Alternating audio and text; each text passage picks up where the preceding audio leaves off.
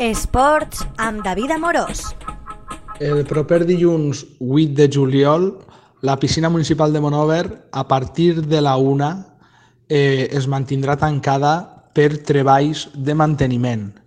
Des de la regidoria d'esports s'ha intentat que aquests treballs es facin en un horari de diumenge, però l'empresa que fa el manteniment d'aquest servici ens ha dit que és un mes molt ruïn per a poder eh, eh, realitzar els treballs en cap de setmana. Eh, cosa que fa que el dilluns, després de, a partir de la una, eh, estiga tancada la piscina. Es tornarà a reobrir el proper dimarts en el seu horari habitual. Gràcies. Esports amb David Amorós.